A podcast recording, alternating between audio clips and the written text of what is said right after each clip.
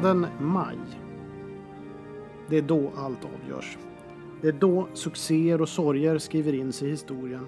Men det är knappast den månaden då intresset är som mest brännande. För de allra flesta har det faktiskt ebbat ut då det är få lag som har något att spela för. I talande stund är det ju mesta avgjort egentligen förutom lite kamp om sista Champions League-platsen, Europaplaceringar och så väntar vi på ytterligare ett lag som ska följa Burnley och Middlesbrough upp i Premier League. Härligast är det nog för supportrar till Manchester United och Crystal Palace som har en elektrisk FA-cupfinal på Wembley att se fram emot. Men för de flesta fans är säsongen över senast i slutet av april. Då är allt hopp ute och det handlar om att hantera besvikelsen för att se fram emot nästa säsong. Så har det alltid varit, även på old school-tiden då mediebevakningen kanske inte var lika intensiv som nu. Jag då som i grunden är Everton-supporter så har årets liga varit extra ointressant. Eh, och nu är det också ett faktum att Roberto Martinez har fått sparken. Och faktum är att man egentligen bara skulle vilja stoppa huvudet i sanden eller bara blunda och hålla för ögonen till dess att eh, säsongen är över. Som tur var är det bara en match kvar. Grova förnedringar har staplats på varandra och det enda positiva är glädjen hos motståndarlagen. Liverpool kunde lägga en 4-0-seger till Merseyside-derbyts historia. Manchester United fick ju uppleva säsongens hittills finaste stund när man avgjorde semifinalen. Leicester fick defilera hem en seger och inte verkade de särskilt bakis, åtminstone inte i jämförelse med Everton, vilka var på nivån när man såg ruset av sig. Ja, och så i onsdags kunde Martinez mannar se till att Sunderland fick en behaglig match när man säkrade sin fortsatta existens i Premier League. Antar dock att Newcastle och Norwich inte blev lika imponerade och entusiastiska. Men det är så supporterskapet ser ut. Man lever mellan outgrundlig sorg och sanslös eufori. Bara det att man för det mesta eh, faktiskt ligger mellan just outgrundlig sorg och vanlig sorg på den här skalan. Så den är ganska liksom snedfördelad. Och i maj känner man sig rätt tröttkörd. Inte mätt, för det blir man aldrig på engelsk fotboll. Men sådär illusionslöst trött efter ännu en säsong i besvikelsens tecken. Eller töcken får man väl ändå säga. Så även om jag inte är någon stor fantast av landslagsfotboll som skapar uppehåll i ligaschemat så ser jag ändå alltid fram emot de stora turneringarna. Vilket blir en härlig tröst när ligasäsongen ändå är över och snart är det dags för EM. Och Old School Football Podcast kommer därmed att göra åtminstone sex avsnitt om EM, dess historia och nostalgi om hjältar från förr. Det blir något nytt, men också spännande, så håll koll framåt juni. Men först ska vi hylla och glädjas samt ta farväl i kommande avsnitt. Glädjas över lag som Spurs, Middlesbrough, Burnley. Ta farväl av lag som Newcastle och Norwich. Aston Villa har vi redan vinkat av. Och Leicesters framgångssaga har vi frodat i eh, under flera olika poddar, inte minst den senaste.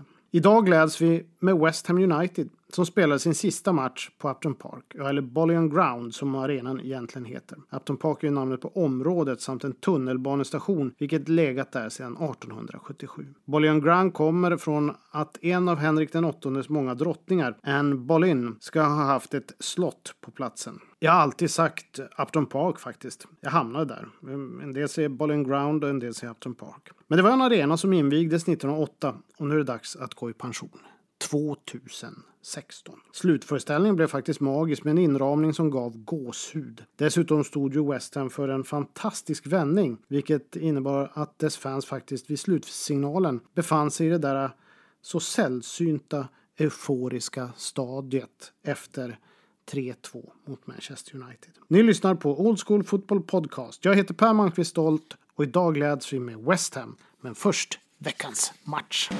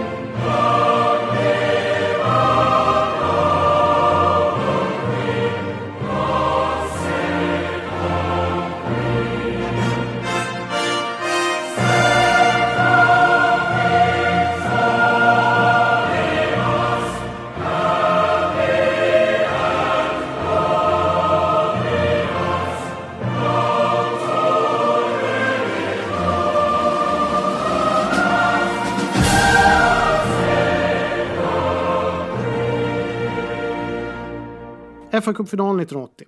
Arsenal på Wembley för tredje året på raken tar emot division 2-laget West Ham. Men det är ett förklätt West Ham.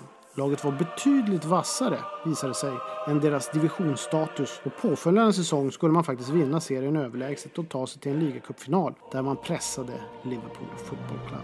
Men visst, Arsenal var skyhöga favoriter. Det var en tilltrasslad situation. Ett inlägg. Bollen går ut till West Ham Stuart Pearson som drar till. Den tar på någon eller något och ligger plötsligt i nätmaskerna. Förvåning. Inte för att laget från andra divisionen tar ledningen utan för att bollen tagit på en mörk kalufs från en gestalt som på ett lite furliknande vis la sig mot bollen. Den mörka kalufsen tillhörde en viss Trevor Brooker. The Hammers store stjärna men också en spelare som knappt visste hur man nickade. Matchen slutade 1-0 och Brooking stod på karriärens högsta topp. Eleganten från Barking hade avgjort en fa Cup-final. Trevor Brooking var en av mina första idoler. Utan att egentligen haft möjlighet att se honom spela visste jag innerst inne att han var en elegant på fotbollsplan. En lirare. Men framförallt utstrålade han elegans. Värdighet rent av. Jag fick ju också se honom spela i Tipsextra några gånger, men alldeles för lite. Och jag var stört förbannad när Englands förbundskapten, Brookings gamle manager i West Ham, Ron Greenwood, inte lät honom och Kevin Keegan spela mer än några minuter i VM 1982. Minuter som faktiskt höll på att ge avancemang. Keegan och Brooking hade sedan flera år utvecklat ett närmast telepatiskt förhållande på plan, trots att de aldrig spelat i samma klubb. Två genier bör rimligtvis förstå varandra, så det kändes inte alls konstigt. Nu var de skadade när VM-turneringen började, men det blev faktiskt deras sista chans på de stora landslagsturneringarnas scen eftersom England inte lyckades kvala sig till VM 1974 eller 78 då dessa två herrar var nästan som bäst. Så varför kunde inte Ron Greenwood ha chansat lite tidigare? Slängt in dem lite tidigare och gett dem chansen. Skitsamma att de var lite skadade. Faktum eh, var att Brooking av Keegan kallades för Hadley efter en populär tv-figur och ädling från södra England med ett oklanderligt uppförande. Mycket därför att Brooking aldrig tycktes bli skitig under match och träning. Kanske gled han undan. Kanske tog han det lite lugnare. Kanske tog han inte i så han kräktes i försvarsspelet, vilket var gängse norm på den tiden något man skulle göra. Hörde en gång en annan elegant eh, i Everton, irländaren Kevin Sheedy, också en vänsterbreddare, berätta om vad man kallade Evertons två mittenmittfältare, Paul Bracewell och Peter Reed, när det var som bäst på 80-talet. De kallades för dogshit eftersom de var precis överallt. Och av den anledningen hamnade spelare som Sheedy, Brooking och för den delen Nottinghams spelgeni John Robertson ute på vänsterkanten. Ofta med en back som förväntades ta stort ansvar bakåt. I EM 1980 petades exempelvis Brooking i match därför att unge vänsterbacken Kenny Sansom kändes lite för orutinerad för att klara Italiens anstormning på en kant man visste Brooking skulle driva bort ifrån med jämna mellanrum. Särskilt eftersom Italiens Franco Causio härjade på just den kanten. Idag hade dessa spelare haft liknande roller som Andrea Pirlo. De hade varit hyllade och omgivna av kärlek. Då var det mest något man inte riktigt förstod sig på och dessutom potentiella riskfaktorer bäst att skicka ut dem på kanten. Brooking fick dock spela offensiv mitt-mitt i sitt älskade West Ham. Han förblev klubben trogen karriären ut trots flera år i andra divisioner. Där var det inte avgörande om han tog den där toklöpningen bakåt eller om han ibland drev iväg. Där var han kungen. Visserligen var West Ham aldrig ens nära att vinna ligan under Brookings alla år i klubben, men ändå rådade man upp stjärnspelare genom åren, exempelvis tre tongivande världsmästare från 1966, Jeff Hurst, Bobby Moore och Martin Peters. I West Ham fick stjärnorna uttrycka sin kreativitet, kanske på bekostnad av stor framgång, men det blev ändå några kupptitlar och ack så mycket underhållning. När regerande mästarna Everton 1971 spelat ut i en match var agerat Kanske något nonchalant hade managern Harry Catterick varit stört förbannad och skrikit till dem Do you think you are the fucking West Ham of the North? Så starkt var epitetet. Bra eller dåligt kan man ju fråga sig. Och man kan också fråga sig, är titlar allt? För ibland vill man tro på det vackra. Jag går på min sons fotbollsmatcher där arbetsetiken är det viktigaste.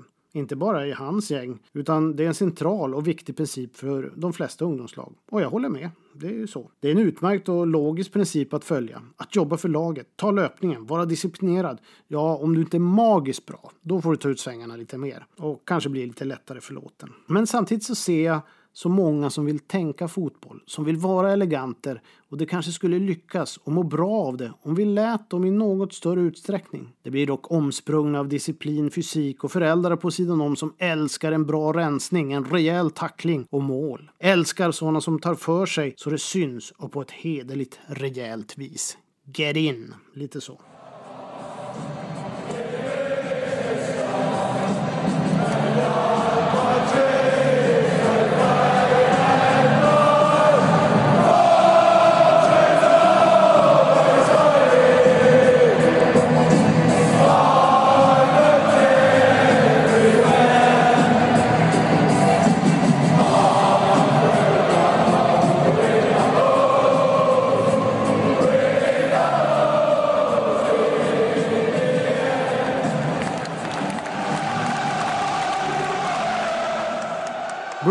Större delen av uppväxten åt att sparka på en tennisboll på gatan utanför Barking där han växte upp. Bollens oberäknelighet och litenhet gav att han blev mästare på bollbehandling, eller första touch som det så fint kallas numera. Dessutom lärde han sig spela med båda fötterna och utvecklade förmågan till kvicktänkthet, att snabbt spela iväg bollen eller finna en ny yta när de huffande större fysiska praktexemplaren var efter honom. Och då var ändå inte Brooking särskilt snabb, nej snarare långsam. Pappa Brooking tjatade dessutom alltid om att han skulle spela med sin sämre fot, hela tiden.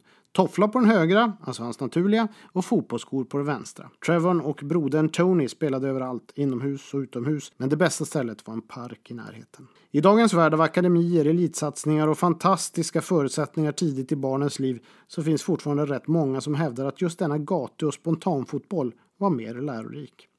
Wayne Rooney får väl anses som en av de sista generationerna av riktiga gatuspelare. Brooking var definitivt en sådan.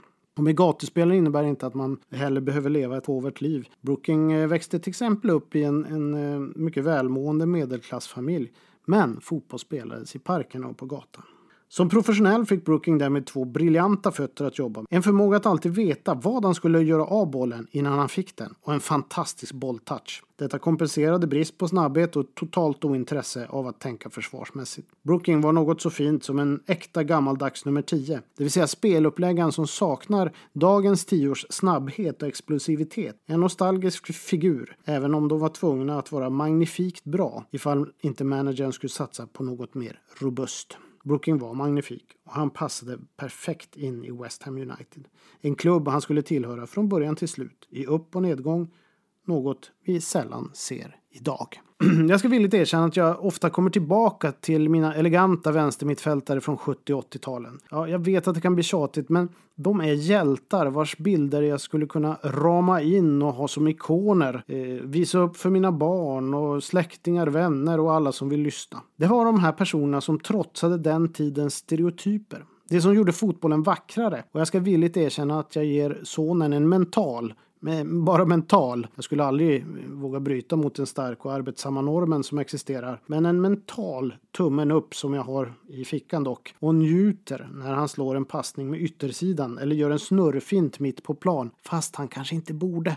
Då gängse norm är att slå välavvägda bredsidor, släppa boll i tid och alltid se ut som man älskar att jobba hem. Stereotyper är härliga att slå hål på. Eller åtminstone ägna sig åt lite civil olydnad. Det gör fotbollen och livet vackrare. Kanske tuffare då man riskerar att inte passa in, men ändå vackrare. Fotboll får aldrig bli ingenjörskonst med väl uttänkta linjer som gamla tiders fabriksarbetare som gör det lilla i varje moment på ett sätt som ingenjören bestämt utan att man ska behöva tänka själv, sätta sin egen prägel eller förstå helheten. Fotboll är viktigare än så större än så. Och det är den där lilla runda saken som förtrollat oss genom alla tider. Det är den vi ska vårda. Det är den som är magin. Inget annat. Trevor Brooking i West Ham, John Robertson i Nottingham, Kevin Sheedy i Everton, Alan Hinton i Derby med flera. Där är mina idoler. Där är mina hjältar. Det som gjorde fotbollen vacker. Och jag talar inte om karaktärer som Frank Worthington, George Best, Dan Bowles med flera, vilka var magiska, kanske mer magiska än mina vänsterbreddare. Men de sabbade sina karriärer eftersom de inte var vuxna nog att ta ansvar för sig själva. Medger då kanske att John Robertson var lite av ett gränsfall, men i övrigt så var gubbar som Brooking, Sheedy och Hinton som tog ansvar för sitt eget liv och sitt eget fotbollsspelande som var vuxna.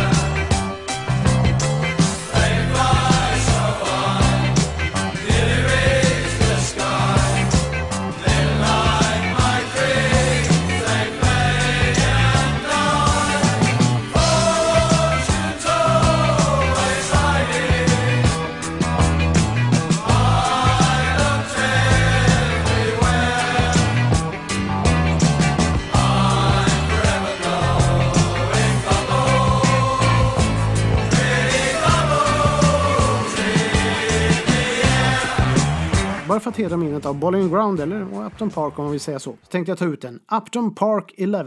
Spelare som efter att hymnen Forever Blowing Bubbles har ljudit ut från läktarna så har de förgyllt gräsmattan med många och strålande insatser. Nu finns det säkert inbitna och kunniga West Ham-fans som inte håller med, men detta är en elva jag känner lite extra för. Och här kommer den.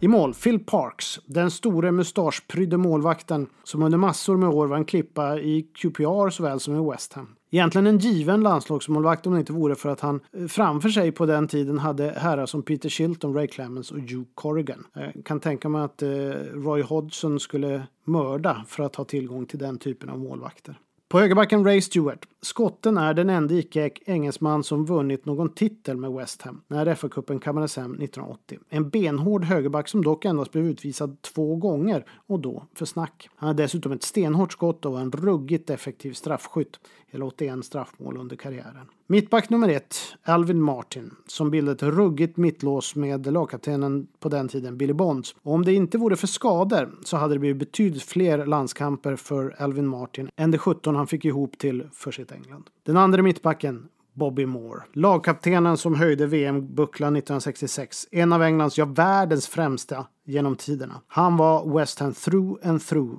inte så snabb, men med ett lysande spelsinne och en lågmäld ledartyp som givetvis tar plats bredvid Alvin Martin och givetvis tar lagkaptensbindeln. På vänsterbacken Julian Dix. En hårdför vänsterback med mycket hjärta. Spelade i West Ham mellan 1988 och 93 samt senare 94 till 99 efter en något misslyckad utflykt till Liverpool. Populär hos fansen och kniper platsen i hård konkurrens med Frank Lampard Senior. När anfallaren Frank McAvenny fick frågan vad som saknades i det lag som kom trea i ligan 1986 och inte alls var långt ifrån titeln så tvekade han inte. Det som saknades var en Julian Dix. På mittfältet ser vi Martin Peters. Ännu en VM-vinnare från 1966, ofta beskriven som den komplette mittfältaren och eh, Sir Alf Ramsey, dåvarande Englands förbundskapten, beskrev honom som tio år före sin tid. Given i laget. Även på mittfältet finner vi Billy Bonds, West Hams största trotjänare genom tiderna. En sann lagkapten som började karriären på mittfältet och jag tror att han även spelade en del ytterback. Men flyttade sedan ner som mittback där han kamperade ihop med Alvin Martin på 70-80-tal. Bonds var den perfekte lagkaptenen. Dock får han inte plats som mittback eller ens som lagkapten i Upton Park 11 då konkurrensen med Bobby Moore knappast kan bli mer mördande. Men Bonds har en given plats i laget på mitten. Bland annat för att täcka upp bakåt för eleganternas elegant Trevor Brooking. Han som ska styra spelet, mittfältsgeneralen, eleganten. Ja, det räcker så.